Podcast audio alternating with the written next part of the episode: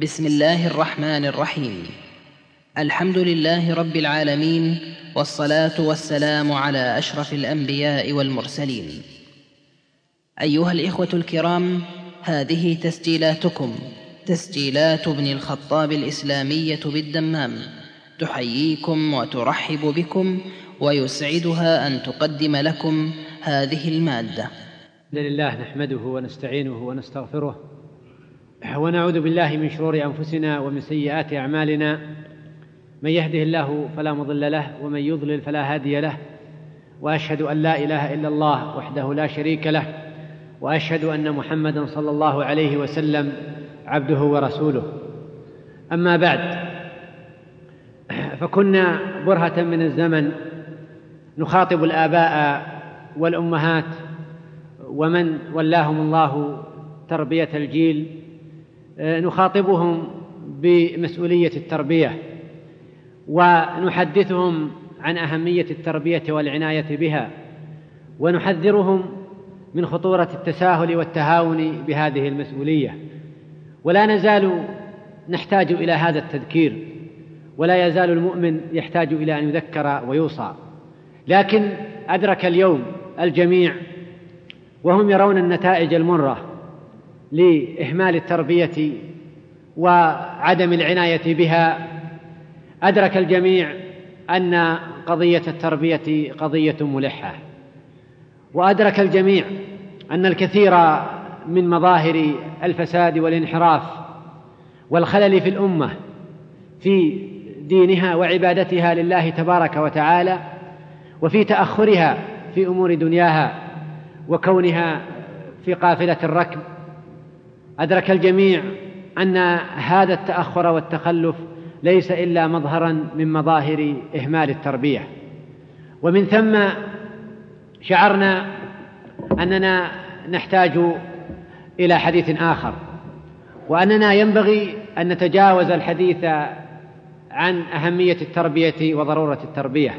لا لأنه حديثا ليس مهما إنما لأن أولئك الذين لما يستفيقوا إلى الآن ولما يدركوا أهمية التربية أن هؤلاء الذين لما يدركوا ذلك بعد ليسوا مؤهلين للتربية فعلا وهم يرون النتائج اليوم ماثلة أمام أعينهم. إن إننا نسمع الشكوى كثيرا أيها الإخوة. نسمع الشكوى من الآباء ونسمع الشكوى من المعلمين ونسمع الشكوى من الصغير والكبير من مشكلات كثيرة نعاني منها من جيلنا. ويشعر الجميع أن هذه المشكلات إنما هي إفراز لسوء التربية وإهمال التربية. ويتداعى الجميع إلى ضرورة العناية بالتربية ودورها في إصلاح الناشئة وفي تعبيدهم لله تبارك وتعالى وتحقيق الغاية التي من أجلها خلقوا وهي العبودية لله تبارك وتعالى. وما خلقت الجن والإنس إلا ليعبدون. لكن هل نتصور أيها الإخوة أن التربية التي تعنى بإعداد هذا الإنسان بنفسيته المعقدة وطبيعته والعوامل والمتغيرات التي تؤثر في شخصيته هل نتصور أن هذه التربية يمكن أن يقوم بها الإنسان بخبراته الشخصية وتجاربه الشخصية أو ما ورثه وتلقاه عن آبائه وأجداده. فيتصور أن تلك التربية التي كان يتلقاها في أسرته أو من آبائه وأجداده هي التربية المثالية. وحين يناقش في هذا الأسلوب أو ذاك يفاجئك بعيدا عن المنطق وبعيدا عن الحجة والبرهان أنه هكذا تربى.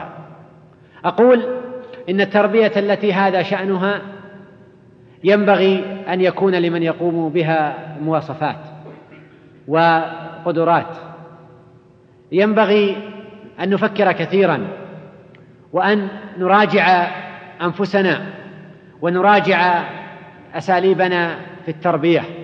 ونحن نرى وندرك الأخطاء يوما بعد يوم والتي نرى أنها نتيجة للخلل في التربية وسوء التربية. إن التعرف أيها الإخوة على صفات المربي ضروري لنختار من يقوم بالتربية.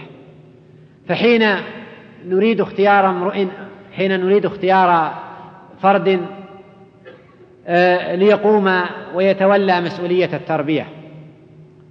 أن نختار معلما أو نختار معلمة.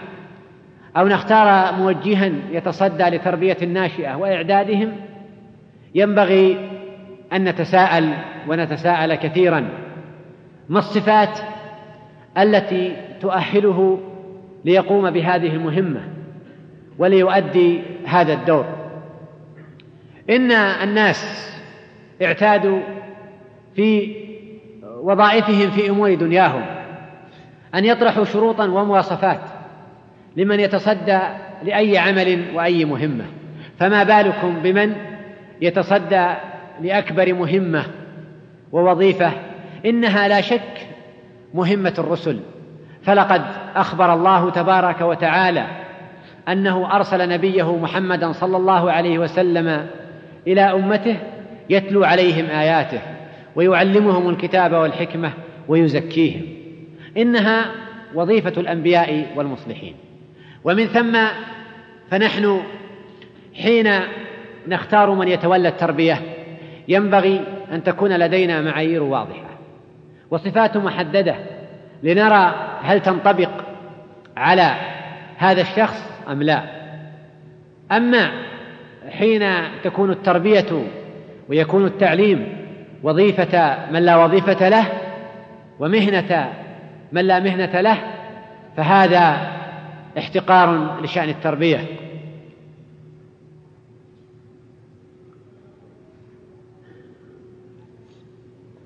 وهذا إذان بإخراج جيل يعاني من المتناقضات ويعيش فوضى لا أول لها ولا آخر.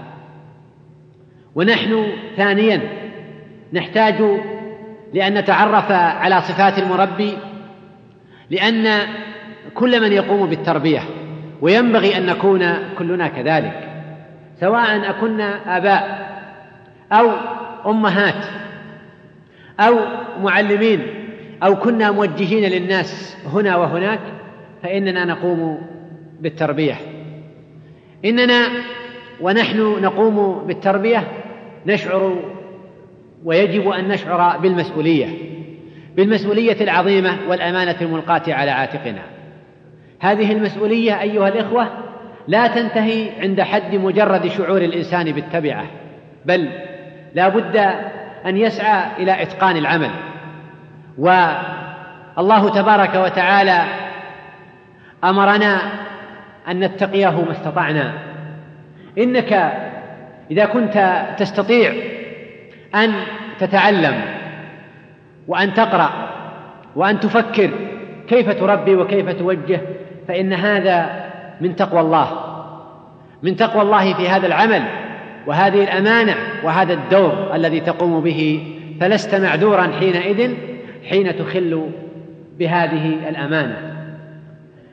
إن المربي الذي يشعر بالأمانة والمسؤولية يشعر أنه بحاجة إلى أن ينمي نفسه بحاجة إلى أن يوجد في نفسه الصفات التي تؤهله إلى أن يقوم بهذا الدور ويؤدي هذه المهمة خير أداء.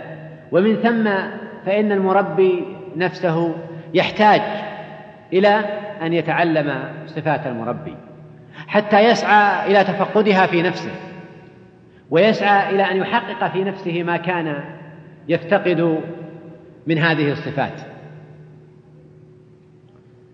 أيضا ثالثا نحتاج لأن نتعرف على صفات المربي حينما نفكر بالقيام ببرامج الاعداد المربين. وينبغي أن تعتني الأمة بذلك وأن تعتني الصحوة بهذه القضية ف أن يكون لها برامج الإعداد من يتولى التربية. واليوم العالم كله لا يقبل في وظيفة التعليم ومهنة التعليم إلا من تحقق في نفسه شروط ومن اجتاز خطة دراسية معينة يرى هؤلاء أنها تؤهله للتربية. بغض النظر عن نظرة هؤلاء للتربية بغض النظر عن سلامة منهجهم وانحرافه لكنهم يرون أن هناك إعدادا لا بد أن يتلقاه من يقوم بالتربية. ولهذا فحين نفكر في إعداد المربي فماذا نعطيه؟ وبما نخاطبه؟ وما هي الجوانب التي نرى أننا ينبغي أن نغرسها فيه؟ إن هذا السؤال لن نجيب عليه إلا إذا تعرفنا على صفات المربي. أيضا نحتاج رابعا إلى التعرف على صفات المربي. نحتاج لأن مثل هذه الصفات بمثابة المحددات لسلوكنا. إننا حين نقول إن هذه الصفة أو تلك ينبغي أن توجد في المربي فإن هذا يعني أن التربية السليمة ينبغي أن تسير على هذا النمط وعلى هذا الأسلوب وسيأتي بإذن الله مزيد بسط لهذه القضية. إن هذه الأمور الأربعة وغيرها آه، تطرح بإلحاح ضرورة التعرف على صفات المربي والحديث عنها. وقبل أن نتحدث عن هذه الصفات لا بد من أن نعي قضية مهمة. ذلك أننا حين نسرد قائمة طويلة من هذه الصفات. ثم نأتي. فنبحث عنها بين الناس من نرى أن هذه الصفات تحققت فيه. ومن منا سيرى أنه قد حقق هذه الصفات.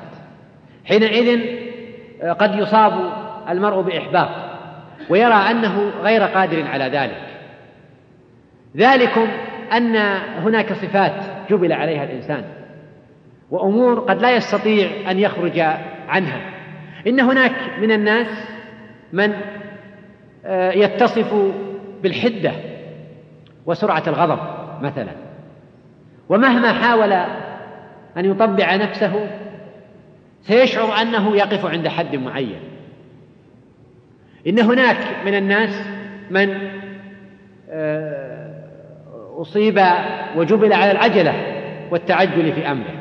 ويشعر أنه مهما عود نفسه على الرفق سيقف عند حد معين. إن هناك من الناس من يشعر أنه يفقد العاطفة والرحمة والحنان ومهما تكلف ذلك سيقف عند حد معين.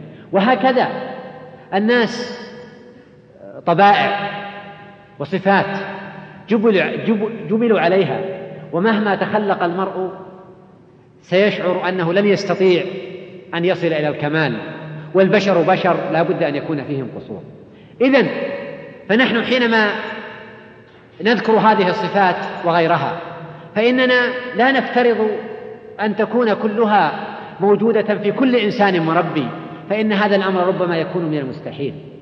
وإلا فماذا نصنع بهذا الأب الذي سيكون مربيا شئنا أم أبينا؟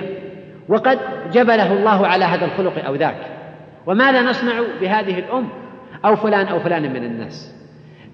فإن معرفة هذه الصفات تدعونا إلى أن نجتهد قدر الإمكان في تحقيقها في أنفسنا. وفي تحقيقها لدى من يهيئون ويعدون للتربية. أن نجتهد في الاقتراب منها. وأظن أننا لن نستطيع بل أجزم أننا لن نستطيع أن نبلغ الكمال ونصل إلى القمة فنسعى إلى الاقتراب منها. ولهذا حين نشعر في أنفسنا أو في غيرنا قصورا في صفة من الصفات فإن هذا لا يعني أن نشعر أنه غير قادر على التربية أو نستغني عنه فالأمة بحاجة إلى المزيد والمزيد من الطاقات. إنما كلما استجلينا هذه الصفات وأصبحت واضحة أمامنا وماثلة للعيان فإننا آه، سنكون قد وضعنا منارات في طريقنا وفي طريق المربين يسعون إلى الاهتداء بها ويسعون إلى السير عليها.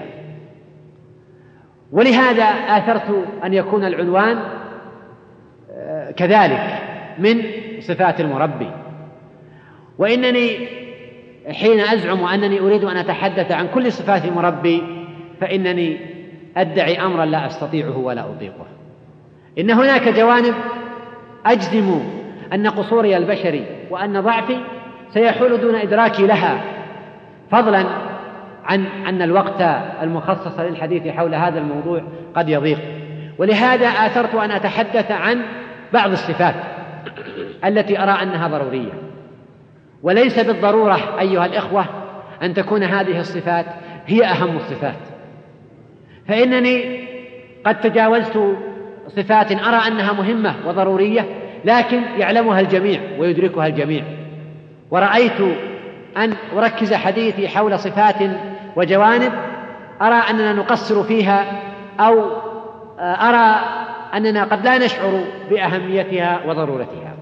لهذا فهذه الصفات التي أتحدث عنها ليست بالضرورة هي كل ما أراه ينبغي أن يكون في المربي بل ليست بالضرورة هي أهم ما نراه.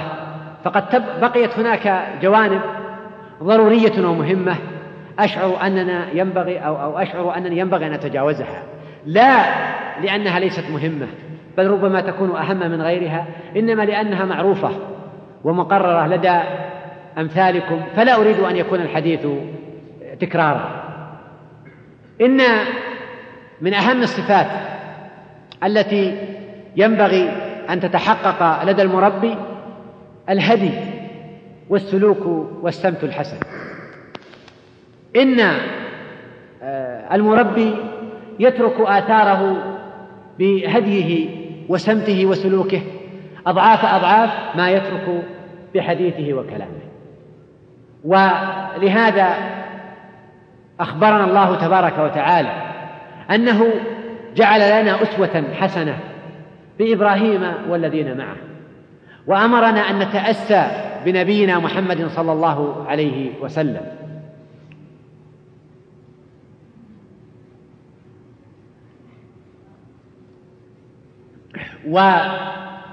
والعمل والفعل يترك أثره في النفوس ما لا يتركه القول. جاء قوم أهل فقر وضعف إلى النبي صلى الله عليه وسلم فرق النبي صلى الله عليه وسلم لما رأى حالهم فدخل وخرج ثم صعد المنبر وحث الناس على الصدقة فلم يتصدق أحد فجاء رجل معه صرة كادت يده أن تعجز عنها بل قد عجزت فألقاها بين يدي النبي صلى الله عليه وسلم فتتابع الناس. حتى تهلل وجه النبي صلى الله عليه وسلم. ثم قال من سن سنة حسنة فله أجرها وأجر من عمل بها إلى يوم القيامة. لقد سمع الناس حديث النبي صلى الله عليه وسلم وكلامه وموعظته لكن ربما كان في هذا الموقف وهذا الموطن كان هذا العمل من هذا الرجل وهو دون النبي صلى الله عليه وسلم قطعا. كان هذا العمل أعظم أثرا في نفوسهم لأن العمل يترك من الأثر ما لا يتركه القول لهذا حين نكون أيها الإخوة حين نكون قساة القلوب حين نكون نعاني من الجفاف ومن موت القلب ومن قلة خشية الله تبارك وتعالى. ونريد أن أن نعظ الناس. ونريد أن أن نغرس هذا عند الناس. ونريد أن أن نترك أثرنا على الناس. وسلوكنا لا يشهد بذلك. ولا ينطق بذلك. وحالنا مع الله تبارك وتعالى. وحالنا في سلوكنا وهدينا تخالف ما ندعو الناس إليه. فإننا نسعى إلى أن نبني قصورا في الرمال ونسعى إلى أن ننحت في البحر كما يقال.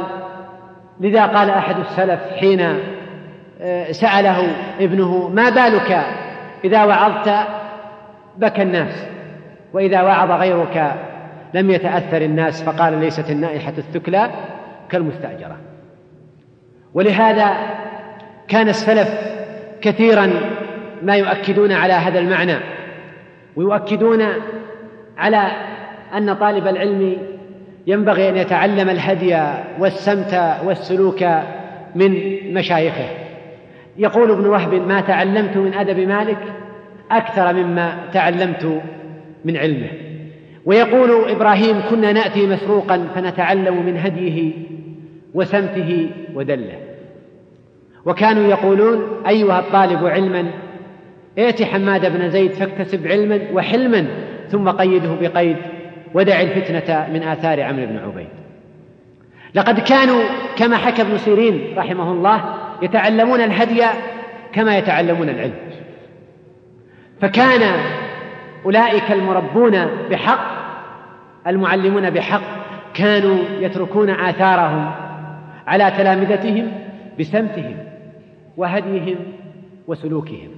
أضعاف أضعاف ما يتركونه بتعليمهم وانظر إلى ما يقوله واحد من كبار تلامذة الإمام مالك المحدث الفقيه الذي يضرب الناس أكباد الإبل فلا يرون إلا إمام دار الهجرة فيأتون إليه.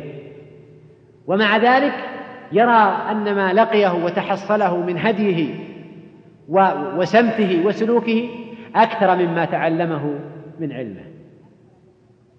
إذا فهي أيها الإخوة قضية مهمة ينبغي أن أن نعتني بها في تحقيقها في أنفسنا وتحقيقها لدى من يتولى التربية وحينئذ يشعر المربي أنه لن يحتاج إلى مزيد من الحديث ولن يحتاج إلى مزيد من الوعظ ولن يحتاج إلى مزيد من النصح والتذكير إنما حاله تذكر بهذا الأمر وهديه وسمته وسلوكه يخبر بما وراء ذلك.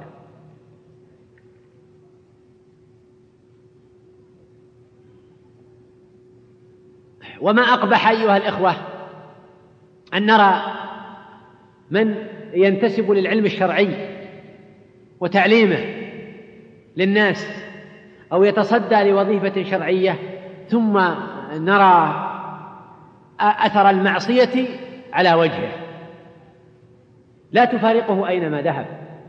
إنها أيها الإخوة صورة من صور إعلان التناقض بين القول والعمل. إنها إن هذا المرأة ليقول للناس بلسان حاله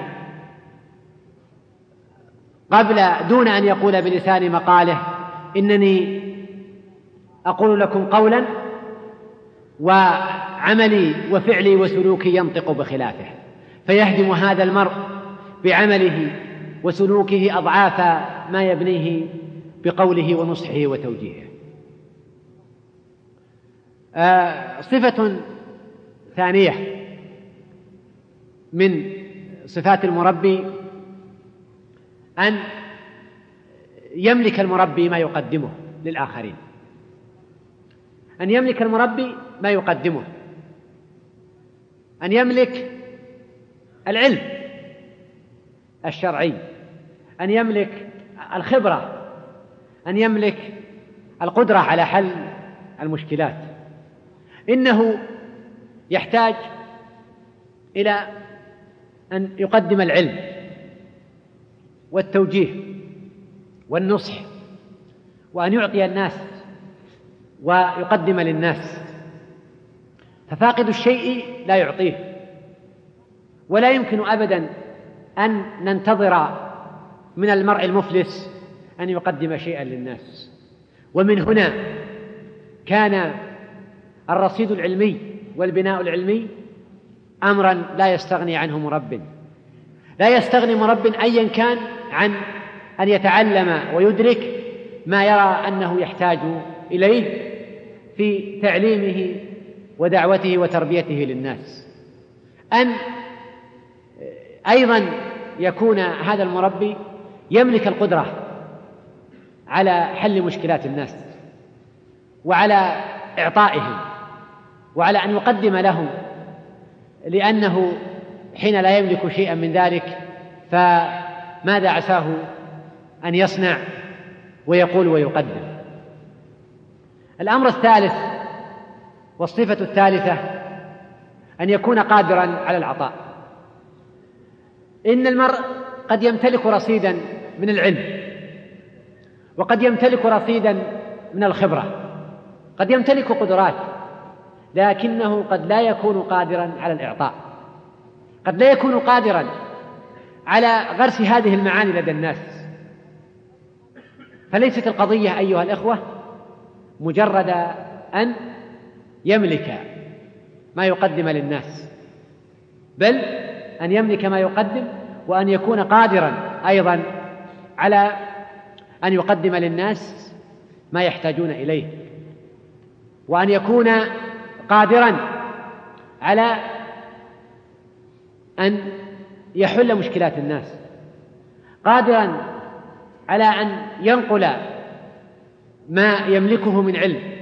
وما يملكه من خبرة, خبرة وقدرات إلى الآخرين.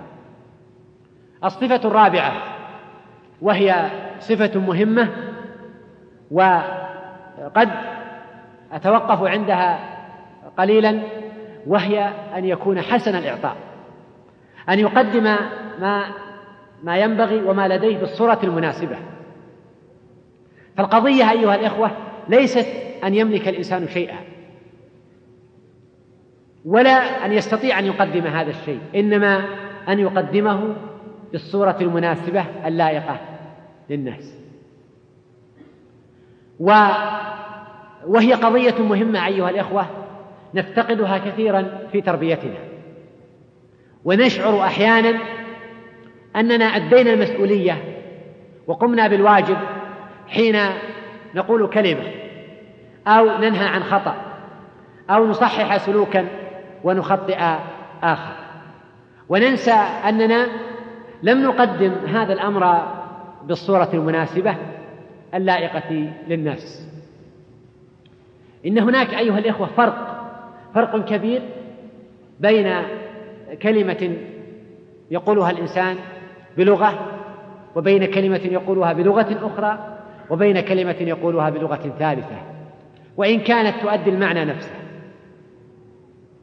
ولنضرب على ذلك مثالا أيها الأخوة. حينما لو شعرنا مثلا أن التكييف في هذا المسجد مزعج ودرجة البرودة لا نتحملها فقد أشير على واحد منكم بعينه وأقول له قم فأطفئ جهاز التكييف. وقد أؤدي هذه الكلمة بلغة أخرى.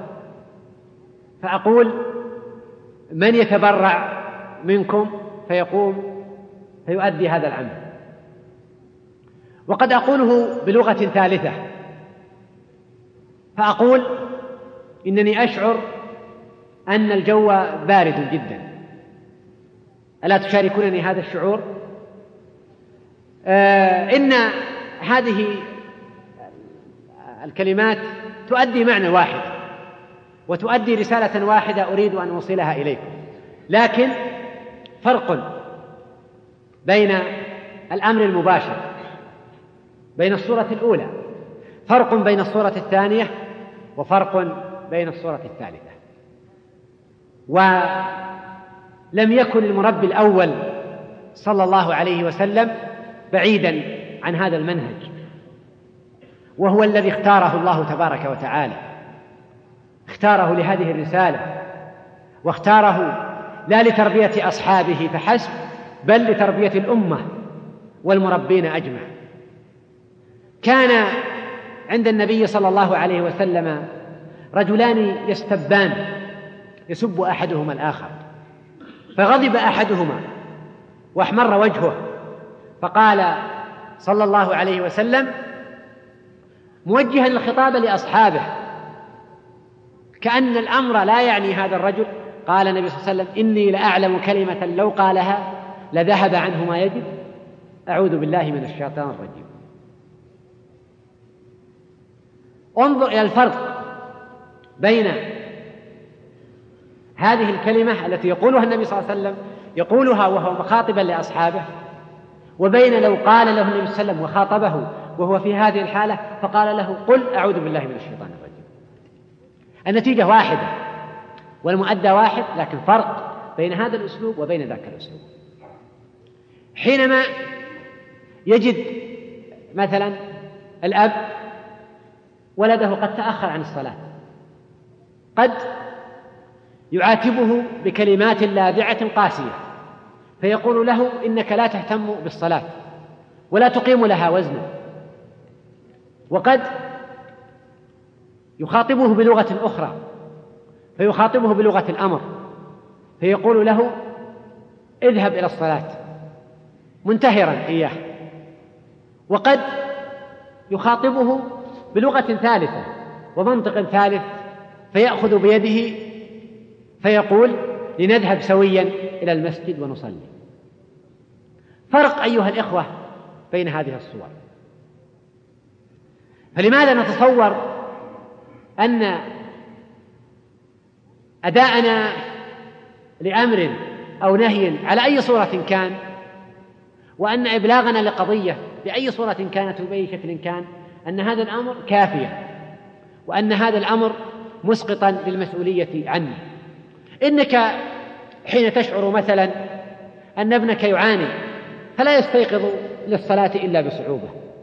قد تعاتبه وقد آه، تقول له إن عملك من عمل المنافقين وقد تقول له كلمة أخرى لكنك لو آه، أهديت له ساعة لتوقظه أو آه، اتفقت وإياه أن تذهب سويا إلى المسجد.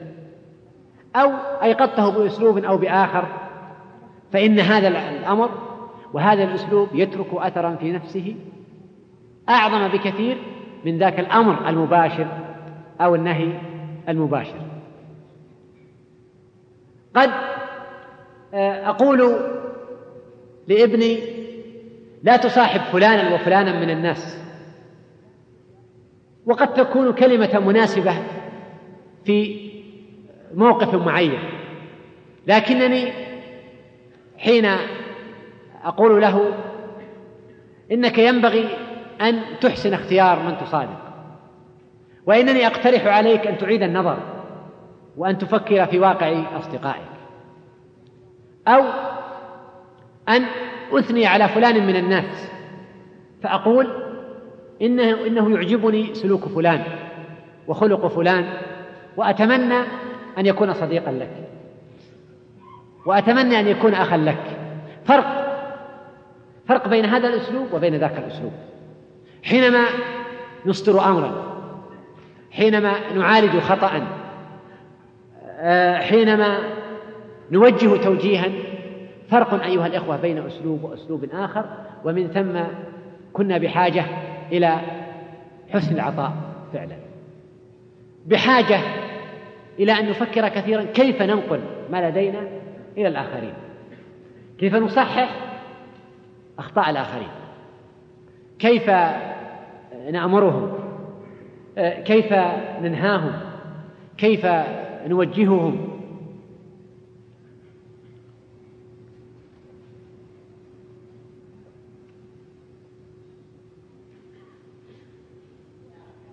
بل إن الكلمة الواحدة أحيانا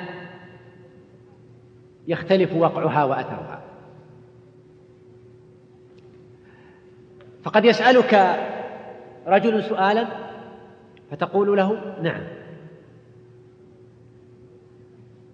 نعم قد تقولها بلهجة فيها التهديد أحيانا.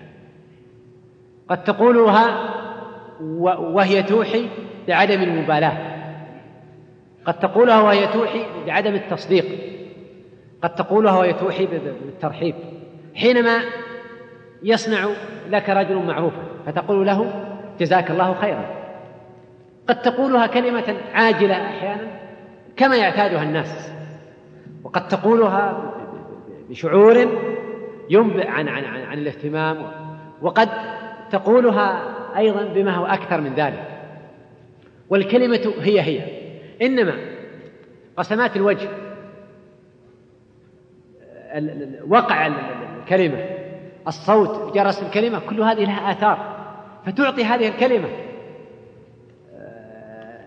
أثرا لا تعطيه تلك الأخرى وإن كانت هي هي بحروفها. لكن قسمات الوجه جرس الكلمة الصوت رفع الصوت طبيعة الصوت كلها تترك آثار. تترك آثار غير ما تتركه تلك الأخرى. لهذا كان علينا أن نفكر كثيرا كيف نوصل ما عندنا لمن نربيهم. وأن لا تكون القضية مجرد أن نقول كلمة أيا كانت بأي وسيلة وبأي لغة ونتصور حينئذ أن هؤلاء قد قامت عليهم الحجة. و... وأننا قد أدينا الواجب علينا تجاههم. صفة خامسة مهمة وهي الاتزان العاطفي. آه إن الله عز وجل خلق عواطف عند الناس. عند الناس رحمة ومحبة ومشاعر وارتياح هذه العواطف لم يخلقها تبارك وتعالى عبدا وحينما ندعو إلى إلغائها عند الناس فإننا ندعو إلى تغيير خلق الله. وندعو الناس إلى أن يتخلوا عما فطرهم الله عليه.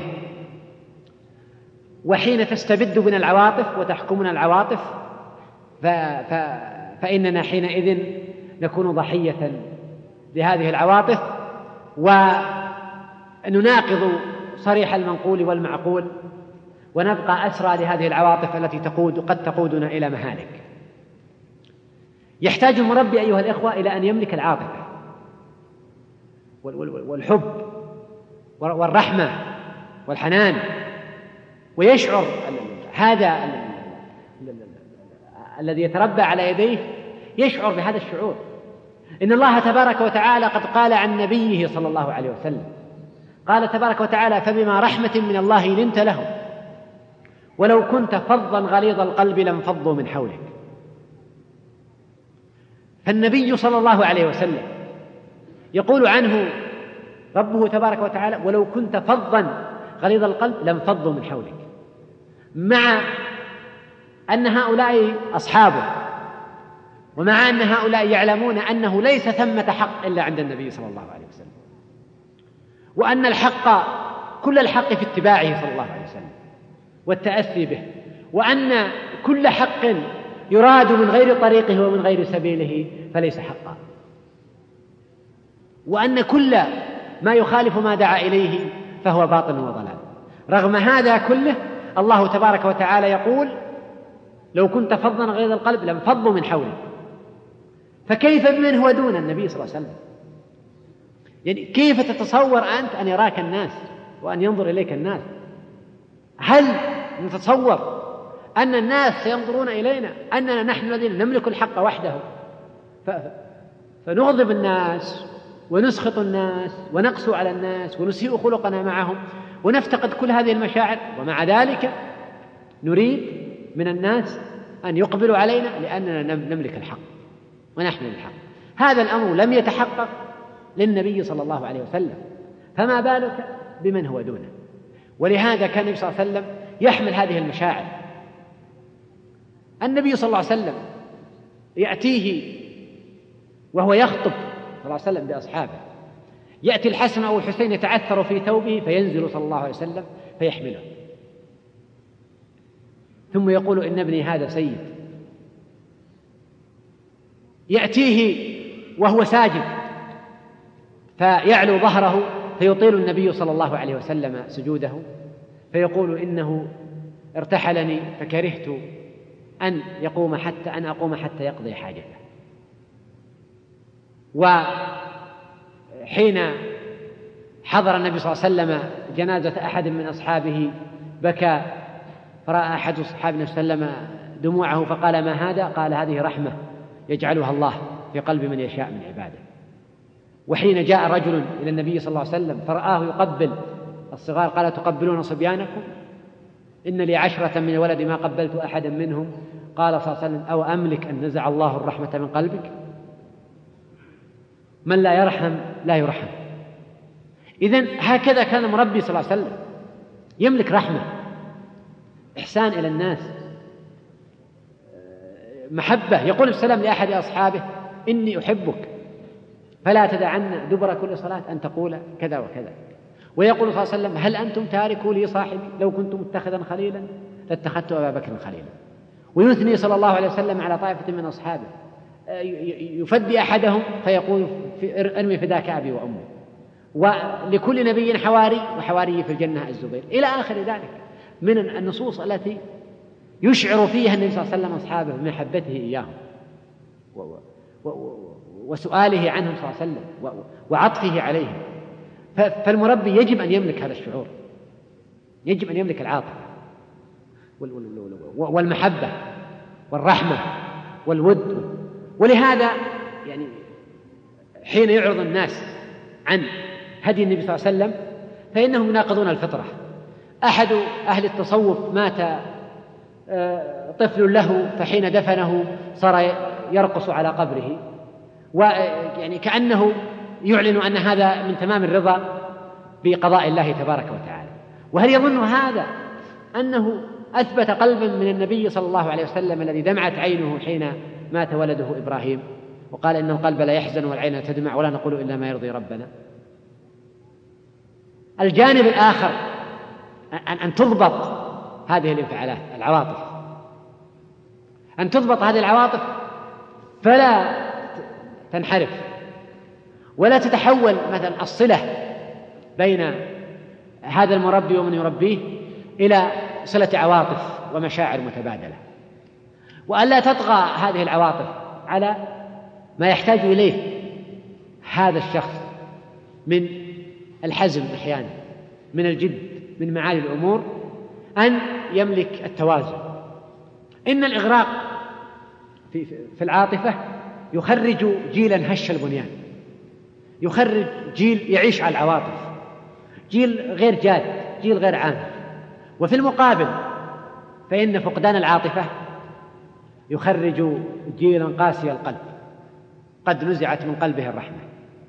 فلا بد أن يعيش المربي هذا التوازن. وأظن أنه ليس أحدهما بأسوأ من الآخر. أظن آه، أن المربي المفرط في عاطفته ليس بأسوأ من ذاك الذي فقد العاطفة وفقد المشاعر الإنسانية والعكس كذلك. آه، صفة سادسة.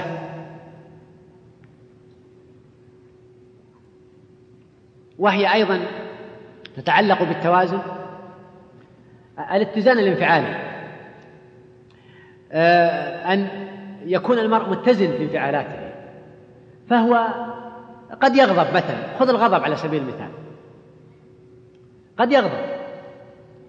و و وأمر طبيعي لمن يتعامل مع الناس أن يأتيه ما يأتيه مما يستدعي الغضب مما يستدعي السخط مما يستدعي آه، انفعالا أو أو موقفا معين تجاه هذا الشخص.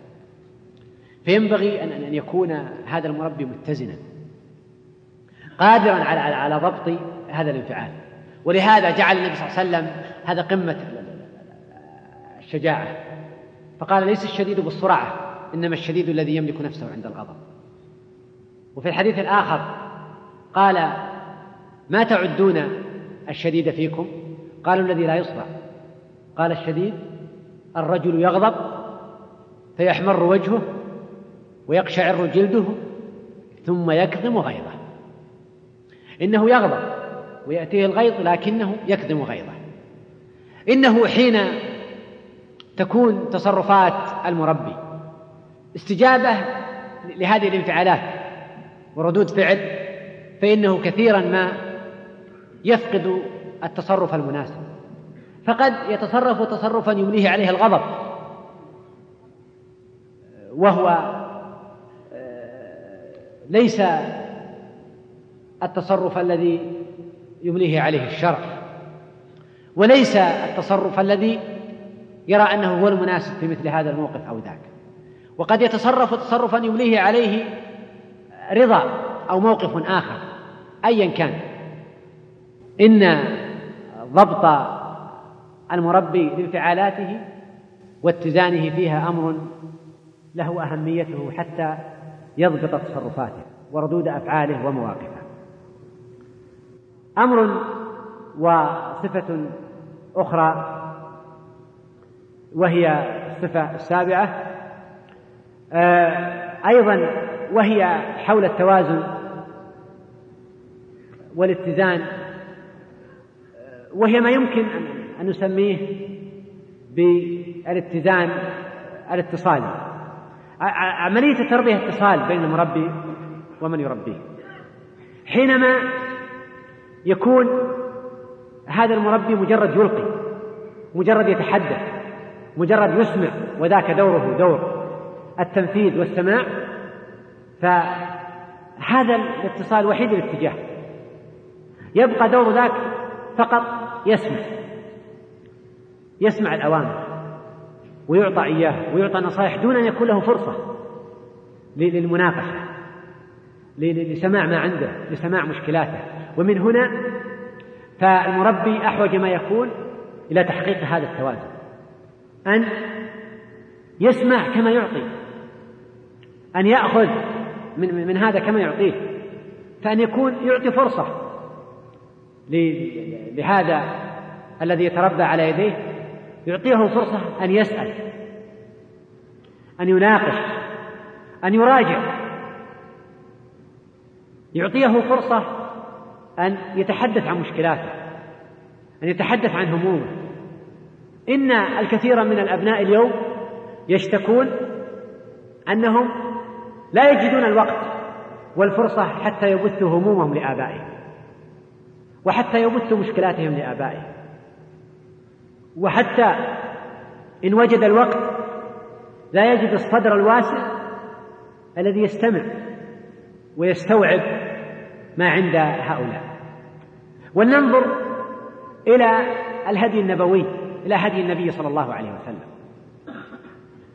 كيف كان النبي صلى الله عليه وسلم يربي أصحابه؟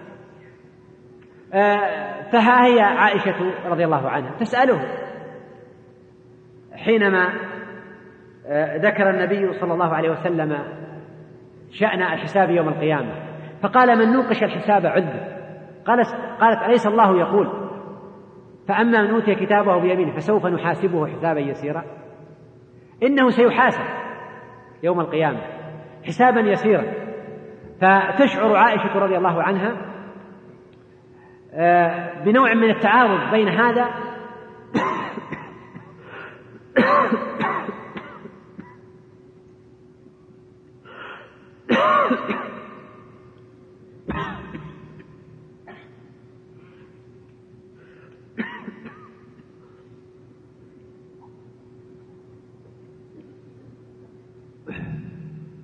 تشعر رضي الله عنها بنوع من التعارض بين هذا المقال الذي سمعته من النبي صلى الله عليه وسلم وبين هذه الآية. فتسأل النبي صلى الله عليه وسلم فيجيبها صلى الله عليه وسلم. لم تكن تتجرأ رضي الله عنها أن تسأل النبي صلى الله عليه وسلم وأن تناقش وأن تبدي له ما لديها لو لم يكن صلى الله عليه وسلم قد عودها على أن يستمع منها. ويجلس النبي صلى الله عليه وسلم إلى عائشة. فتحدثه حديثا طويلا كما في الصحيح في قصة أم زرع. فيجتمع النبي صلى الله عليه وسلم إلى حديثها بإنصات ثم يقول صلى الله عليه وسلم كنت لك خيرا من أبي زرع لأم زرع.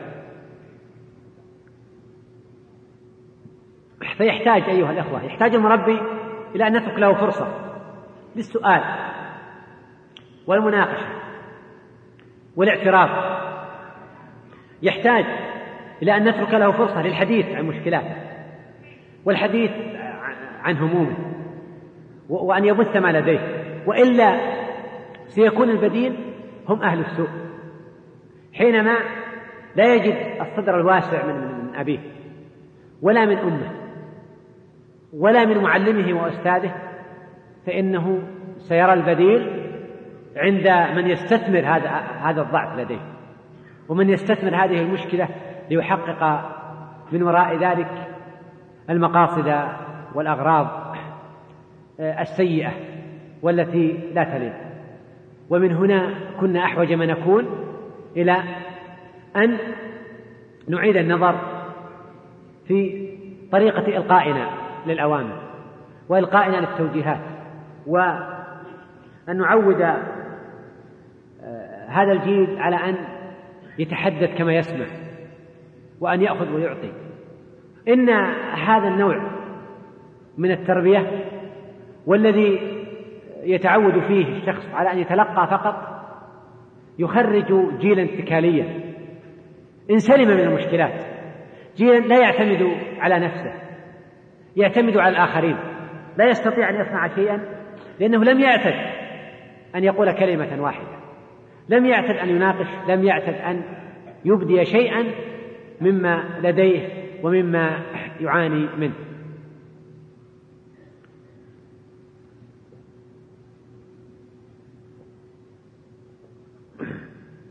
صفة ثامنة. ينبغي أن تكون لدى المربي القدرة على التقويم. أن يكون يملك القدرة. وهي من الصفات المهمة التي ينبغي أن لا يفتقدها. لماذا؟ إنه سيحتاج مثلا أن يحدث تلميذه وابنه أن يحدثه عن مشكلة من المشكلات. أو حدث من الأحداث أو أن يقوم له كتابا أو مدرسة فكرية أو فكرة أو رأيا أو مشكلة. حين لا يملك القدرة على التقويم الجيد فإنه لا يستطيع أن يوصل له الرسالة المناسبة. ولا يستطيع أن يصدر له الحكم المناسب. ثم إنه يحتاج أيضا إلى التقويم ليعرف من يربيه. وليعرف آه، أي مرحلة قطعها وتجاوزها وليعرف ما الأخطاء ما جوانب القصور ما جوانب الضعف ليعرف القدرات التي يملكها هذا الشخص. وليقوم أيضا عمله وجهده وتربيته. وهي موهبة وملكة. توجد لدى المرء لكنه أيضا يستطيع أن يتعلم ويتطبع بشيء منها. آه، حينما يتعود أن يكون عميقا في, نظرته حينما يتعود أن يكون موضوعي لا يتأثر بالعواطف حينما يكون لا يحكم من خلال الموقف الواحد آه، حينما يعتاد ويتعود على على هذا النمط من التقويم يستطيع أن أن يملك قدرة على التقويم يحتاج إليها لما يقدم للآخرين لأنه سيقدم تقويما للأعمال للناس سيقدم تقويما لفكرة أو لرأي أو لمشروع أو لعمل أيا كان ثم سيسعى إلى تقويم من يربيه ويوجهه.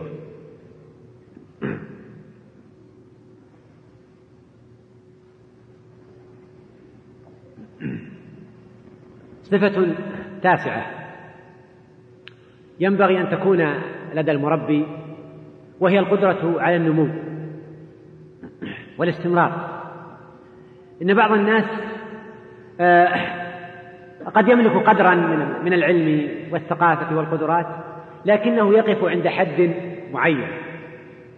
ومهما كان ما يملكه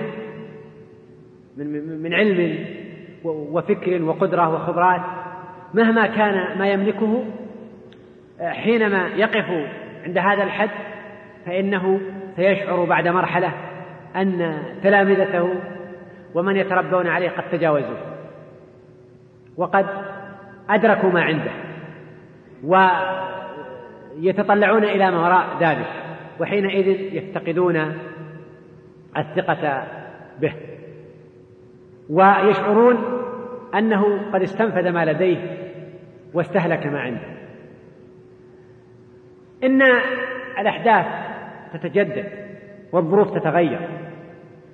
إن الأب الذي عاش في عصر سابق حينما يتعامل مع أبنائه الذين هم نتاج عصر آخر يختلف كلية تختلف أفكار الناس واهتماماتهم وعقلياتهم حينما يأتي هذا الأب وثقافته وعقليته وعلمه لا تعد أن تكون امتدادا للعصر السابق الذي عاشه فإنه لن يستطيع أن يقدم لهذا الابن ما يحتاج. ولهذا ندرك فشل كثير من الآباء الخيرين الغيورين في تربية أبنائهم. لماذا؟ لأنه قد توقف عند عصر معين ومرحلة معينة. لقد تربى هذا الأب في بيئة وعاش في ظل وسط يوم كان أن يعيش في قرية محدودة. قرية حين يقول من في أقصى القرية كلمة؟ يسمع من في آخرها هذه الكلمة. ومظاهر المدنية والحضارة بعيدة عنه كان الناس وقتها يعيشون في الأرياف يعيشون في مزارعهم يعيشون في أعمالهم في همومهم الخاصة. بعيدا عن ضجج وصخيب عن ضجيج وصخب المدينة. بعيدا عن هذه المؤثرات. أما اليوم فقد أصبح الجيل أمام عالم آخر يختلف تماما عن ذاك الجيل. فحينما يأتي الأب ليربي ابنه بالنمط نفسه الذي تربى به. وحين يقال له إن هذا الأسلوب لا يجدي يقول هكذا تربينا وهكذا عشنا. نعم قد فرضا قد تكون تربيتك سليمة وما تربيت عليه سليما والأسلوب الذي تلقيته كان ناجحا لكنه كان في وقت من الأوقات. أما هذا الوقت فله ظروف أخرى وله حال أخرى. ولهذا كان الأب بحاجة إلى أن يتجاوز هذه الفجوة الحضارية وإلا سيشعر أنه يعيش في مأزق مع أولاده. وقل مثل ذلك حتى مع من هم دونه. إن المعلم والمربي الذي تربى على نمط معين وعلى طريقة معينة لا يسوق أبدا أن يتصور أن هذا النمط وهذا الأسلوب هو الأسلوب الناجح والمناسب لتربية الناس ولتربية الناس كلهم. فالعصر قد تغير والظروف قد تغيرت والعوامل قد تغيرت. إن, إن, إن هذا التغير السريع المذهل الذي نراه اليوم يؤكد على ضرورة أن يكون المربي قابلا للنمو وقادرا على النمو. أن يملك القابلية والقدرة وأن يسعى دائما إلى تطوير نفسه والمتابعة وإلا فسيشعر أن هذا الجيل قد تجاوزه وسيشعر أن, أن, أن هذا الجيل آه، قد شعر أن, أن, أن, أن هذا الرجل الذي أمامهم لم يعد يملك ما يقدمه له أيضا صفة عاشرة مهمة وهي أن يكون المربي على معرفة. بمن يربيه. على معرفة تامة. بطبيعته وخصائصه وظروفه. وهي قضية كثيرا ما نجهلها أيها الإخوة. فنحن نتعامل مع أطفالنا مثلا. ونجهل طبيعة الطفل وخصائصه. نجهل كيف يفكر الطفل. كيف ينظر الطفل إلى الأمور؟ كيف ينظر إلى الحياة؟ كيف يقيمها؟ ولهذا نقع في أخطاء فادحة غير مقصودة في تعاملنا مع أطفالنا ونحن إنما أتينا من جهلنا بهذه الطبيعة للأطفال. أيضا خذ على سبيل المثال قضية أخرى مهمة مرحلة المراهقة وهي مرحلة من أخطر المراحل لدى الشاب والفتاة. حينما نجهل طبيعة الشاب في هذه المرحلة. وكثيرا ما, ما تقع مشكلات من من الأب أو المعلم والمربي وغيرهم مع هذا الشاب المراهق. والسبب أنه يجهل طبيعة هذا الشاب في هذه المرحلة. ويجهل كيف يفكر. وما هي مشكلاته. وقل مثل ذلك في الفتاة. فحينئذ نصادم هؤلاء. آه وكثيرا ما نسمع هذه الكلمة من, من الآباء من الأساتذة من المربين. كان هذا الطفل وديعا هادئا هادئ الطباع آه، مطيعا مستجيبا ففوجئنا به إنسان متمرد آه، إنسان معاند آه، إنسان مشاكس. بدأت تظهر عليه آثار الانحراف إلى آخره. ونريد أن نتعامل معه باللغة نفسها. بالمنطق نفسه بالأسلوب نفسه الذي كنا نعامله به حين كان طفلا. والسبب أننا لم نفهم هذه الشخصية. إن المراهق يحتاج إلى الإقناع يحتاج إلى إشباع حاجاته يحتاج إلى إشعاره بأنه رجل بأنه يملك الرجولة. وحين يجد من يحترم عقله ومن يدرك ظروفه فإنه سرعان ما يمنحه الثقة بل والثقة المفرطة فيسلم نفسه له ليصنع فيه ما يشاء. وحين ولهذا نصطدم كثيرا مع أبنائنا ومع تلاميذنا في هذه المرحلة ونحن نريد أن نرفع عليهم العصا الغليظة لأننا نرى أنها التي تربيهم وقد كنا نشعر مثلا أنها كانت في مرحلة سابقة كانت أسلوبا ناجحا معه ونتصور أنها ستنجح معه اليوم. وهكذا. المقصود أن معرفة المربي بمن يربيه سواء فيما يتعلق بخصائص المرحلة التي يعيشها وطبيعتها أو معرفته بظروفه الخاصة من حيث هو فلان من الناس وشخصيته وطبيعته أو ظروفه الاجتماعية أو مشكلاته من الأمور المهمة التي لا يستغني عنها المربي. وأخيرا آه، صفة أختم بها الحديث عن هذه الصفات وهي القيادة أن يكون المربي قائدا لا أن يكون آمرا. وفرق أيها الإخوة إن الذي يقود الناس يقنعهم. إنك قد تستطيع أن تأمر ولدك مثلا فيذهب إلى المسجد وربما يذهب معك إلى المسجد ولا يفارقك. لكن حينما تغرس لديه حب الصلاة وتورثها لديه فهذا شأن آخر. إنك تستطيع مثلا أن تأمر ولدك أن يصاحب الأخيار وتجعله يعيش مع الأخيار. لكن فرق بين هذا وبين أن تغرس لديه حب الأخيار. وقل مثل ذلك في سائر المعاني التربوية. إننا نستطيع أن نملي على الناس كثيرا من الأمور. ويأخذونها تقليدا.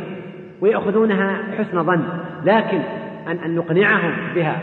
وما وراءها فإن هذا أهم بكثير. وأنجح وأولى وهذا يخرج جيلا ويخرج قادة لا يخرج أتباعا. هذه أيها الأخوة بعض الصفات التي أرى أنها مهمة. وفي الواقع هناك صفات كثيرة. هناك صفات كنت أريد الحديث حولها لكن الوقت ضاق. وهناك صفات آه، قد تكون أهم من هذه الصفات لكن نظرا لأنها معروفة ومقررة لدى الإخوة آثرت أن أتجاوزها. أترك بقية الوقت الإجابة على الأسئلة. وكما ترون يعني هذه الأسئلة كلها تدور حول الموضوع. فلعلنا أن نجيب قدر الإمكان على ما يتيسر منها وليعذرنا من آه، لم يكن له فرصة لأن نجيب على سؤاله. يقول الأخ من رأي في بعض الأخوة المدرسين الذين يتصدون للشباب بألفاظ سوقية ساقطة لا تليق بإنسان فضلا عن كونه مدرسا معلما. هذه يعني صورة لا تليق أبدا وصورة من غرس الخلق السيء عند الناس. يا أخوان نستطيع يستطيع المعلم أن يتحدث كثيرا مع طلابه عن الخلق الحسن وعن حسن الخلق لكنه سرعان ما يهدم هذا بكلمة واحدة يقول حين يغضب. حين يغضب فيواجه هذا الطالب بكلمات نابية أو بمصطلح شرعي بكلمات فاحشة. جاء رجل إلى النبي صلى الله عليه وسلم فاستأذن فقال أذن له بئس أخو العشيرة. فلما دخل هش له النبي صلى الله عليه وسلم وبش فقالت سألته عائشة عن ذلك. فقال يا عائشة متى عهدتني فاحشة؟ متى عهدتني فاحشة؟ هل علمت مني الفحشة في القول؟ وفي رواية أخرى قال يا عائشة شر الناس من ودعه الناس اتقاء فحشه إن من يتركه الناس حتى لا يغلظ عليهم وحتى لا يفحش عليهم من شر الناس وسوء الناس عافانا الله وإياكم. فحين يهاب الناس لسانك وسلاطته فاعلم أن هذا أمارة على أنك من شرار الناس عافانا الله وإياكم. وما يليق يا إخوان أبدا بالمربي. نحن نريد أن نربي عند طلابنا الحلم والأناة. حسن الخلق أحيانا لأجل قضية تافهة أن هذا الطالب ما أدى الواجب أو ما حفظ أو تأخر أو حصل منه أي خطأ ولا نفترض في الطالب إلا أن يقع في الخطأ. تجد أحيانا المدرس يغضب وقد يتكلم بكلمات غير لائقة ويخرج عن حدود فعلا. الأدب الذي يليق بالإنسان فضلا عن عن المسلم فضلا عما يتصدى ويتوجه ويوجه للتربية. وأحرج هؤلاء أنهم بحاجة إلى أن يربوا. فضلا عن أن يكونوا مربين للجيل. يقول نريد توضيحا شافيا لقضية استخدام العقاب البدني في التربية من منظور الشرع. ونرجو إلقاء الضوء على ثمرة التعاون بين المربين والمعلمين خاصة. ونسأل الله أن يثيبكم أولا الشرع جاء بالضرب كوسيلة للتربية في في الحدود هناك من الحدود ما ما يستوجب الجلد كما في حد القلب. والزاني البكر وشارب الخمر. أيضا آه، جاء الأمر أو جاء الشرع بالإذن بالضرب في في قوله صلى الله عليه وسلم لا يضرب فوق أو لا يجلد فوق عشرة أسواق إلا في حد من حدود الله. والصحيح في قوله حد من حدود الله أن المقصود به أي أوامر الله ومعاصيه. ليس المقصود بذلك الحد العقوبة المقدرة وإلا صار لا يجوز أن يعذر الإنسان بأكثر من من عشرة أصوات. فحينما يقع الشخص في خطأ يجوز أن يعاقب لكن لا يجوز أن يزاد على عشرة أصوات إلا إذا كان في حد من حدود الله أي مخالفة لأمر الله. كما قال تبارك وتعالى تلك حدود الله فلا تعتدوها. وأيضا النبي صلى الله عليه وسلم أمر بضرب الأولاد حين يمتنعون عن الصلاة لعشر سنين. بل في القرآن أخبر الله تبارك وتعالى أن من الأساليب التي قد يستخدمها الزوج مع زوجته أن يضربها. والنبي صلى الله عليه وسلم قال فاضربوهن ضربا غير مبرح فنقول أن حينما يأتي الشرع بتقرير هذه العقوبة لا يجوز أن نلغيها أبدا. وهو حينما نقول أن الضرب ليس وسيلة تربوية وأنه لا يصلح فإن هذا اعتراض على شرع الله. والله هو الذي خلق الإنسان ويعلم تبارك وتعالى نفسه وعواطفه ألا يعلم من خلق وهو اللطيف الخبير. فهو أعلم تبارك وتعالى بالإنسان لكن القضية الأخرى أن هل الضرب هو الوسيلة المناسبة في كل وقت وكل حين؟ هنا سؤال مهم. وهذا الخطأ الذي نقع فيه أيها الأخوة. الخطأ الذي نقع فيه ليس أننا نضرب أصلا إنما لأننا نضرب في مكان في موطن لا يستوجب الضرب أصلا. ونضرب في موطن لا يستحق ذلك. وحين نضرب لا نضرب ونعاقب بالطريقة المناسبة أيضا. النبي صلى الله عليه وسلم الذي علمنا ذلك. كيف كان تعامله مع من خدمه عشر سنين صلى الله عليه وسلم؟ فلم يقل لشيء فعله لما فعلته. ولم يقل لشيء لم يفعله ألا فعلته. النبي صلى الله عليه وسلم وهو يشهد بذلك وهو الذي شرع لنا صلى الله عليه وسلم أن الضرب قد يشرع للزوجة. قال فاضربوهن ضربا غير مبرح. قال إن حكى عن أولئك الذين يضربون أزواجهم قال إنهم ليسوا بخيار. هذا يدل على ماذا؟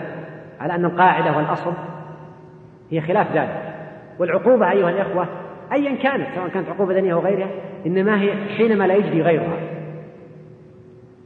والأصل هو الإقناع والأمر والتربية والتوجيه. ثم نتدرج في العقوبة إذا شعرنا حينها أن الضرب هو العقوبة المناسبة فعلينا حينئذ أن نضرب بالأسلوب المناسب. ثم إذا ضربنا كما قال السلام فاضربونا ضربا غير مبرح. ضرب لا يلزم بالانتقام ولا والتشفي. ثم قضية أخرى مهمة أشار إليها النبي صلى الله عليه وسلم. في فقال إذا زنت أمة أحدكم فليجلدها الحد ولا يثرب عليها. يجلدها لكن لا يلومها ولا يؤنبها لأن هذا الجلد هو العقوبة التي استحقتها فنحن نضرب أحيانا التلميذ والابن ونؤنبه ونترب عليه وفي كل مناسبة نذكره بهذا الخطأ الذي وقع فيه. حين نضرب يجب أن نقتصر على هذه العقوبة فقط ونتجاوزها بعد ذلك. لا نكثر من اللوم والتأنيب.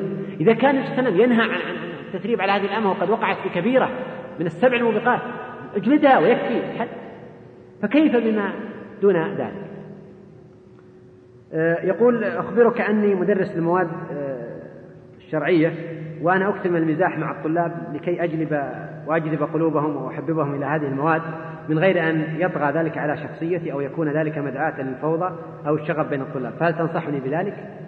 المزاح حين يكون أمر طبيعي وغير متكلف وليس سمة للإنسان أمر يعني ليس فيه إشكال ومطلوب بل كان السلف أحيانا في بعض مجالسهم إذا ملوا يقول ذكرونا بالشعر فإن الأذن مجه والقلب حمض فيتحدثون بالشعر لكن حينما يكون سجية للإنسان ويكون الإنسان يعني كأنه صاحب طرفة ودعابة وهذا الذي يشتهر به فشأن المسلم والمربي أكبر من ذلك. يقول المربي كغيره من البشر يصيب ويخطئ بل ويقع في المعصية تلو المعصية مما قد يؤخره إلى الوراء فيبتعد عن مقاعد المربين ويرضى بالدون بدعوى أنه عاص فهل هذا الفعل صحيح؟ يا إخوان هل في مسلم لا يقع في المعصية أصلا؟ ما فيه. النبي صلى الله عليه وسلم يقول لو لم تذنبوا لذهب الله بكم وأتى بقوم يذنبون. فيستغفر الله فيغفر لهم. وقال كل ابن آدم خطاء. فإذا كنا نريد من من المربي ألا يذنب ولا يقع في الذنب فحينئذ لن نجد أحدا يربي على الإطلاق. ولو لم يعظ في الناس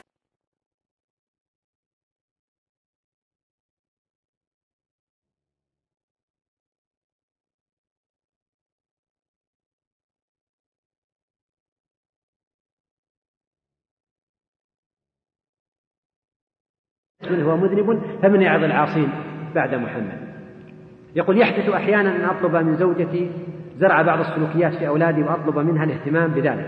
ولكنها تقول افعل ذلك أنت وأبين لها أنها أفضل مني فهي تقضي معظم الوقت معهم. بينما أنا أكون خارج المنزل لذا أرجو توجيه النصح لزوجتي خاصة وإلى النساء عامة وجزاك الله خيرا. أولا أنا أوجه النصيحة لك ولنفسك أنك يجب أن تقضي جزء من وقتك مع أولادك. وتهتم بذلك. هذا ما هو صحيح. يعني أن نهمل أولادنا فنحتاج إلى أن نقضي جزءا من أوقاتنا معه. هذا جانب. الجانب الثاني أن أن قضية التربية مسؤولية مشتركة على الأم والأب. وهناك أدوار. والله عز وجل حكيم. يعني جعل الأم يغلب عليها جانب العاطفة والرحمة شفقة. والأب يغلب عليها الجانب الآخر. لتكون قضية متكاملة ويؤدي الجميع دور متكامل. لكن حينما تكون التربية من الأب وحده والأم وحده لن تكون تربية سليمة ومستقيمة. ولهذا فهي دور مشترك من الجميع. هل هناك كتب تتكلم حول هذا الموضوع؟ أرجو منكم ذكرها وجزاكم الله خيرا. هناك كتب كثيرة تتحدث عن عن عن يعني قضية التربية بصفة عامة والمربي آه، مثلا الذين آه، كتبوا كتب السلف كثيرة في آداب العالم والمتعلم آه، كمثلا كتاب ابن عبد البر والخطيب في الجامع الأخلاق الراوي وآداب السامع والأجري في أخلاق العلماء والرام هرمزي في المحدث الفاصل بين الراوي والواعي وغيرها. كتب أدب, أدب العالم والمتعلم معروفة وفيها يعني جوانب من أخلاق وآداب المربي. وهناك كتب معاصرة يعني أيضا اهتمت بهذه القضية. من يعني أهمها كتاب صدر حديثا عنوانه علم النفس الدعوي لدكتور عبد العزيز الغيمشي. وهو كتاب يعني ذكر فيه بعض الجوانب والخصائص التي ينبغي أن توجد عند المربي. آه، يقول يوجد كثير من الموجهين المربين من يستخدم مع طلابه أسلوب الغلظة لإبراز شخصيته. ويوجد من المربين من يستخدم الأسلوب العكسي تماما فأي الفريقين أقرب للصواب. نحن ذكرنا أن من صفات المربي أن يكون عنده اتزان توازن. لا هذا ولا ذاك كلاهما بعيد عن الصواب. يعني الغلظة والقسوة والفظاظة ليست من صفات المؤمن. وأيضا يعني إهمال الحق وترك الحق والسر وراء العواطف هو الآخر أيضا صفة لا تليق فالمربي الأقرب إلى الصواب الذي يقف في الوسط. فيضع العاطفة والحب والمشاعر حين يحتاج إليها ويستعمل القسوة أو الحزن حين يحتاج إليه آه،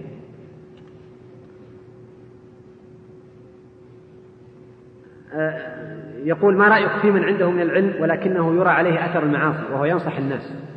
وإذا قلت له يا فلان اترك هذه المعصية قبل أن توجه الناس فيقول خذ من علمي ولا تنظر إلى عملي. فنرجو التوجيه. أولا بالنسبة لك أنت خذ من علمه فعلا. يعني أنت إذا وجدت علما عند أحد من الناس ولو كان صاحب معصية ولو كان مقصر ولو كان حتى فاسق فخذ من علمه.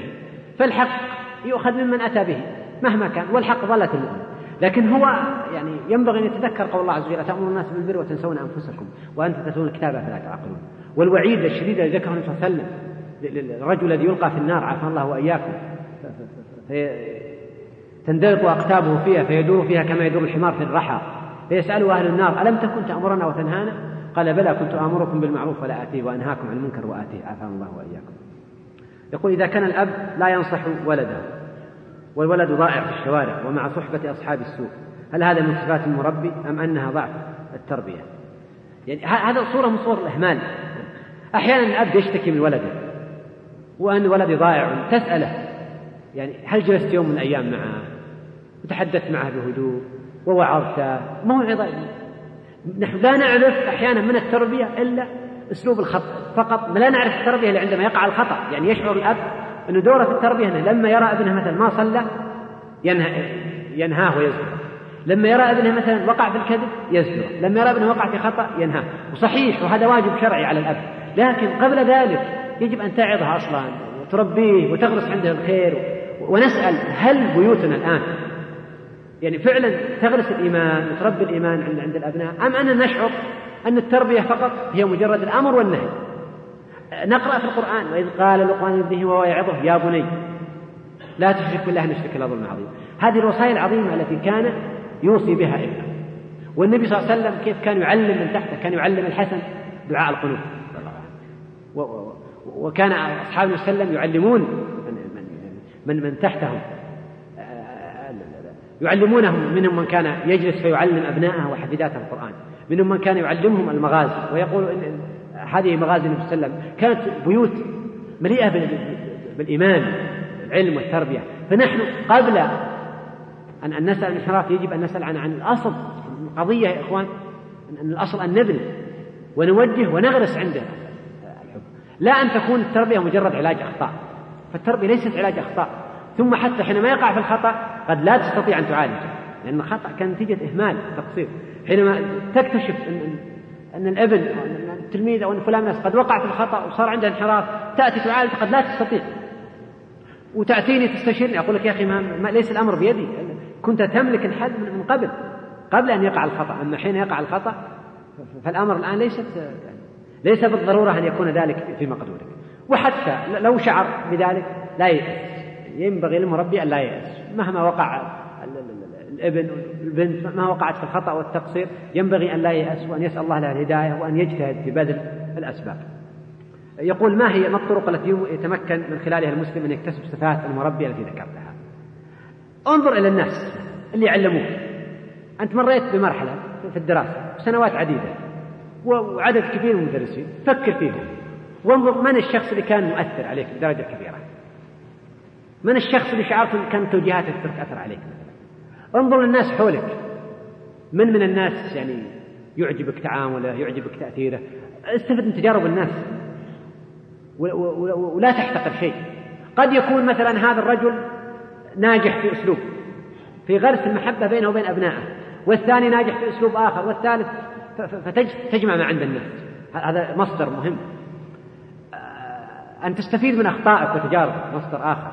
القراءة يا أخوان الاطلاع. يعني نكلف أنفسنا نبحث ونقرأ مثلا في في في في, كتب السلف في, في كتب المعاصرة في الكتب التي اهتمت بشأن التربية. للأسف والله لو لو سألت أي أب أو حتى أي معلم وبحثت ماذا قرأت؟ فيما يتعلق بالتربية. وما عندك من الكتب التي تهتم بالتربية. يمكن نجد في بيوتنا أحيانا كتب الطبخ والطبخات أكثر من من من الكتب التي تعنى بالتربية. هل معقول أن الأم يعني بصراحة يعني دورها واهتمامها هي أن تجهز تعد الطبخات. لكن طيب حاجتها للتربية والأبناء نقرأ في الصحف أحيانا والمجلات أكثر بكثير مما نقرأ فيه في هذه الكتب التي تعيننا ونستفيد. والحق ظلت المؤمن يا إخوان. حتى يعني قد قد تجد قد تجد مثلا من الكفار أحيانا من يحسن يعني نوع من أنواع ما هو قضية إنك تأخذ كل ما عنده لكن يحسن كيف يقنع ابنه. يحسن كيف ينقل ما عنده لابنه مثلا. تستفيد من كل ما عند الناس والحق ضالة المؤمن.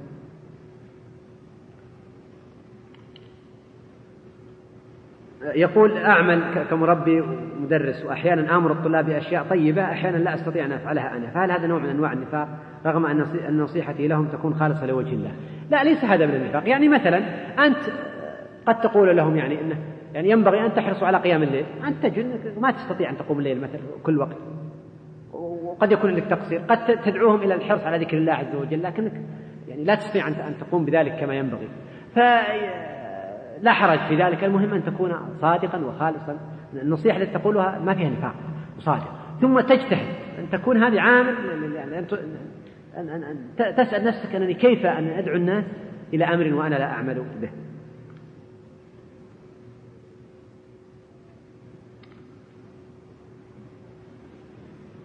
يقول هل لك أن تعطي أمثلة على الصفة الثالثة وهي القدرة على العطاء؟ يعني أحيانا يكون الشخص مثلا عنده معلومات. عنده معلومات كثيرة لكن ما يستطيع يوصلها للناس أصلا. يعني نسمع بعض الناس مثلا أحيانا يقول يعني الفكرة واضحة في ذهني بس ما أستطيع أعبر عنها. ما يستطيع أن يوصلها للناس بطريقة مناسبة مثلا. فهو يعني يعرف ظاهرة معينة يعرف الحل مثل لمشكلة معينة لا يستطيع أن يعني أن يعطي. قد تجد إنسان مثلا نموذج قدوة قد تجده في في في عبادته مثلا في أخلاقه في سلوكه. يعني قد جمع المواصفات التي تتمنى أن تكون موجودة عند الناس. لكن لو أردت أن يربي قد لا يستطيع بالضرورة أن يربي. وإن كان صحيح قد يترك أثر على الناس بسلوكه فقط لكن أن يعطي وأن يواسع الناس لا ليس بالضرورة. ولهذا ليس كل من من يعجبنا ما عنده يكون بالضرورة مؤهل لأن آه، يربي. يقول هناك بعض المربين يكونون آه، عند غير أهليهم في كامل قوة التوجيه وإعداد الجيل في التربية والإعداد الجيد في التربية. ولكن في المقابل أمام أبنائهم ضعاف لا يستطيعون توجيه أبنائهم إلا بالضرب والقسوة فهل من كلمة توجيه توجيهية إلى هؤلاء الأشخاص؟ يعني هؤلاء أقرب ما لهم أبنائهم قوا أنفسكم وأهليكم نارا وقودها الناس والحجارة. والنبي صلى الله عليه وسلم يقول الرجل راع في أهل بيته ومسؤول عن رعيته. ونحن بحاجة يعني إلى أن نعيد النظر كثيرا في, في, في كيف حالنا في بيوتنا في طبيعة علاقتنا مع أبنائنا في, في, في حسن علاقتنا معهم. يعني كيف نستطيع أن نؤثر على الآخرين ولا نؤثر على أبنائنا؟ وهذا دليل أن ليست المشكلة تعود إلى قدراتنا. أن نملك القدرة لكن أحيانا نعيش الإنسان في جو يعني في الخارج يعيش في جو من الراحة والطمأنينة لكن إذا جاء إلى بيته كأنه يعيش في, في سجن وفي قفص يتمنى أن أن يخرج منه.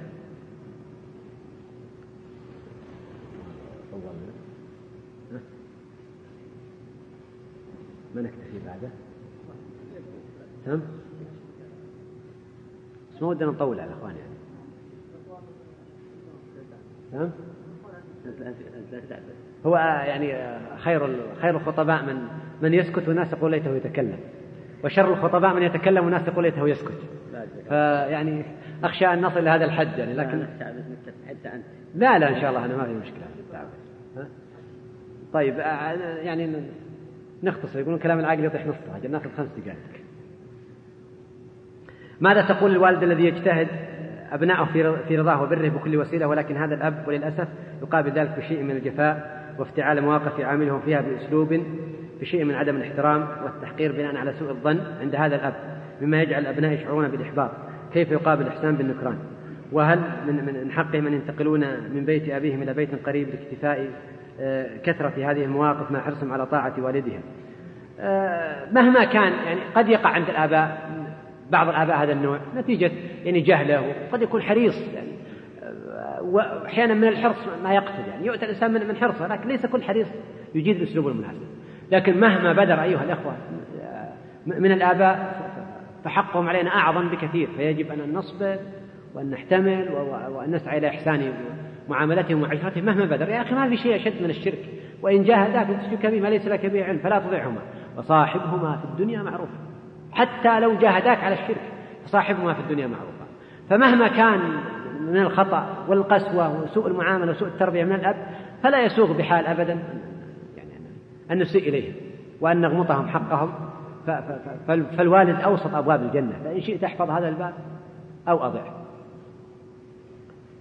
آه، ما الأسلوب الصحيح في توجيه الطفل الذي يخطئ التصرف ويسيء الأدب أمام والديه والناس؟ وهل الصحيح استخدام الضرب أم أن هناك أساليب أخرى؟ وما السن الذي يضرب فيه الطفل إذا أساء الأدب؟ يعني الطفل الذي يخطئ ويسيء الأدب أمام والديه وأمام الناس. آه، يجب أن نعلمه بأسلوب مناسب. ونقنع بأن هذا الأسلوب غير غير لائق.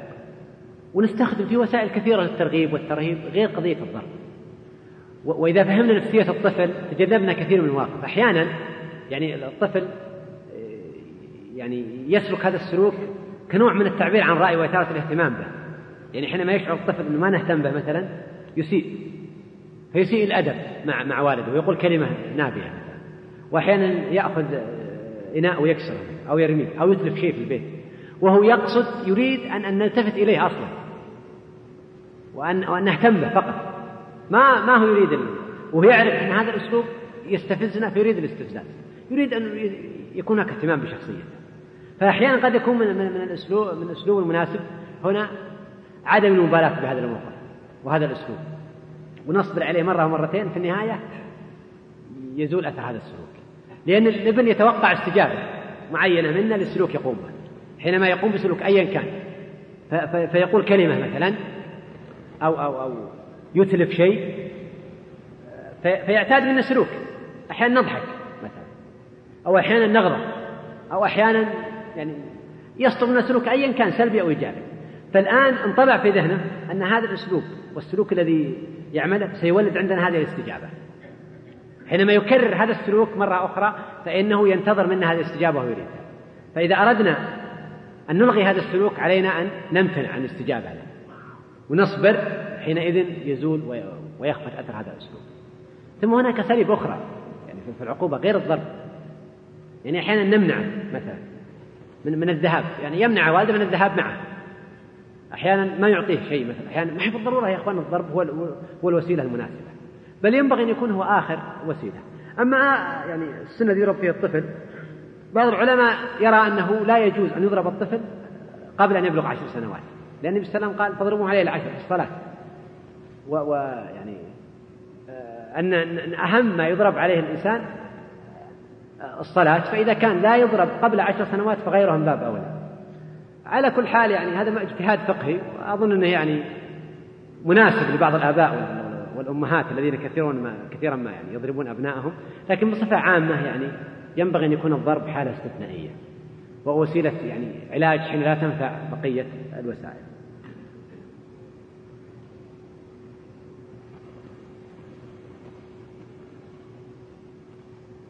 يقول ما قولك في أب يحب بناته أكثر من أولاده؟ وبعض المرات إذا تضاربوا يضرب الابن ويترك البنت.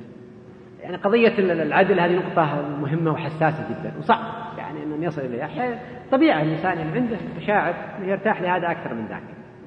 لكن يعني الله عز وجل لا يكلفنا ما لا نطيق. فما يكلفني الله أن أنا أحب فلان مثل ما أحب فلان. هذه قضية قلبية ما لكن أهم شيء في السلوك الظاهر. يعني أحيانا يأتي مثلا الأطفال الأب فيقبل أحدهم ويترك الآخر. أو يذهب بأحدهم ويترك الآخر يثني على أحدهم ويترك الآخر أحيانا. فهذه تولد يعني آثار خطيرة جدا. تحطم نفسية الابن تجعله يحقد على على على أبيه يحقد على على أخيه على أخته. فقضية العدل من الأمور المهمة ولهذا لا يجوز للأب أن يعطي ولده عطية دون سائر أبنائه. ويجب أن يساوي بينهم بالعطية لأن هذه صورة من صور الإخلال بالعدل وهذا سؤال مهم ونختم به. يقول هل لكم أن تحدثون عن دور الأشياء التشجيعية في التربية كالهدية والجائزة؟ هذه يعني قضية مهمة جدا ونغفلها أحيانا. يعني التشجيع والثناء والتشجيع أحيانا قد يكون يعني يعني أو الثناء قد يكون مادي قد يكون معنوي وقد يكون معنوي أكثر وهو أسلوب كان يستعمله النبي صلى الله عليه وسلم كثيرا في, في, في, في حث الناس.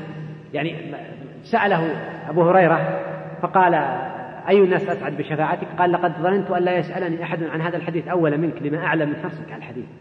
هذه ثناء عظيم لما يثني النبي صلى الله عليه وسلم على هريرة يدفع أبو هريرة تعلما. لما سأل أبي بن كعب قال ليهني في العلم أبا المنذر. وفي غزوة ذي قرد النبي صلى الله عليه وسلم أردف سلمة بن الأكوع رضي الله عنه وراءه وقال خير فرساننا اليوم أبو قتادة وخير رجالتنا سلمة. هذا الثناء يترك أثر كبير تشجيع له دور كبير في في التربية. وأثر في التربية وكان وسلم يستعمله كثيرا في الثناء. أسأل الله عز وجل أن يرزقنا وإياكم العلم النافع والعمل الصالح وأن يهب لنا من أزواجنا وذرياتنا قرة أعين وأن يصلح شباب المسلمين وفتياتهم وجيلهم إنه سميع مجيب. هذا والله أعلم وصلى الله وسلم على نبينا محمد. وسبحانك اللهم وبحمدك أشهد أن لا إله إلا أنت أستغفرك وأتوب إليك.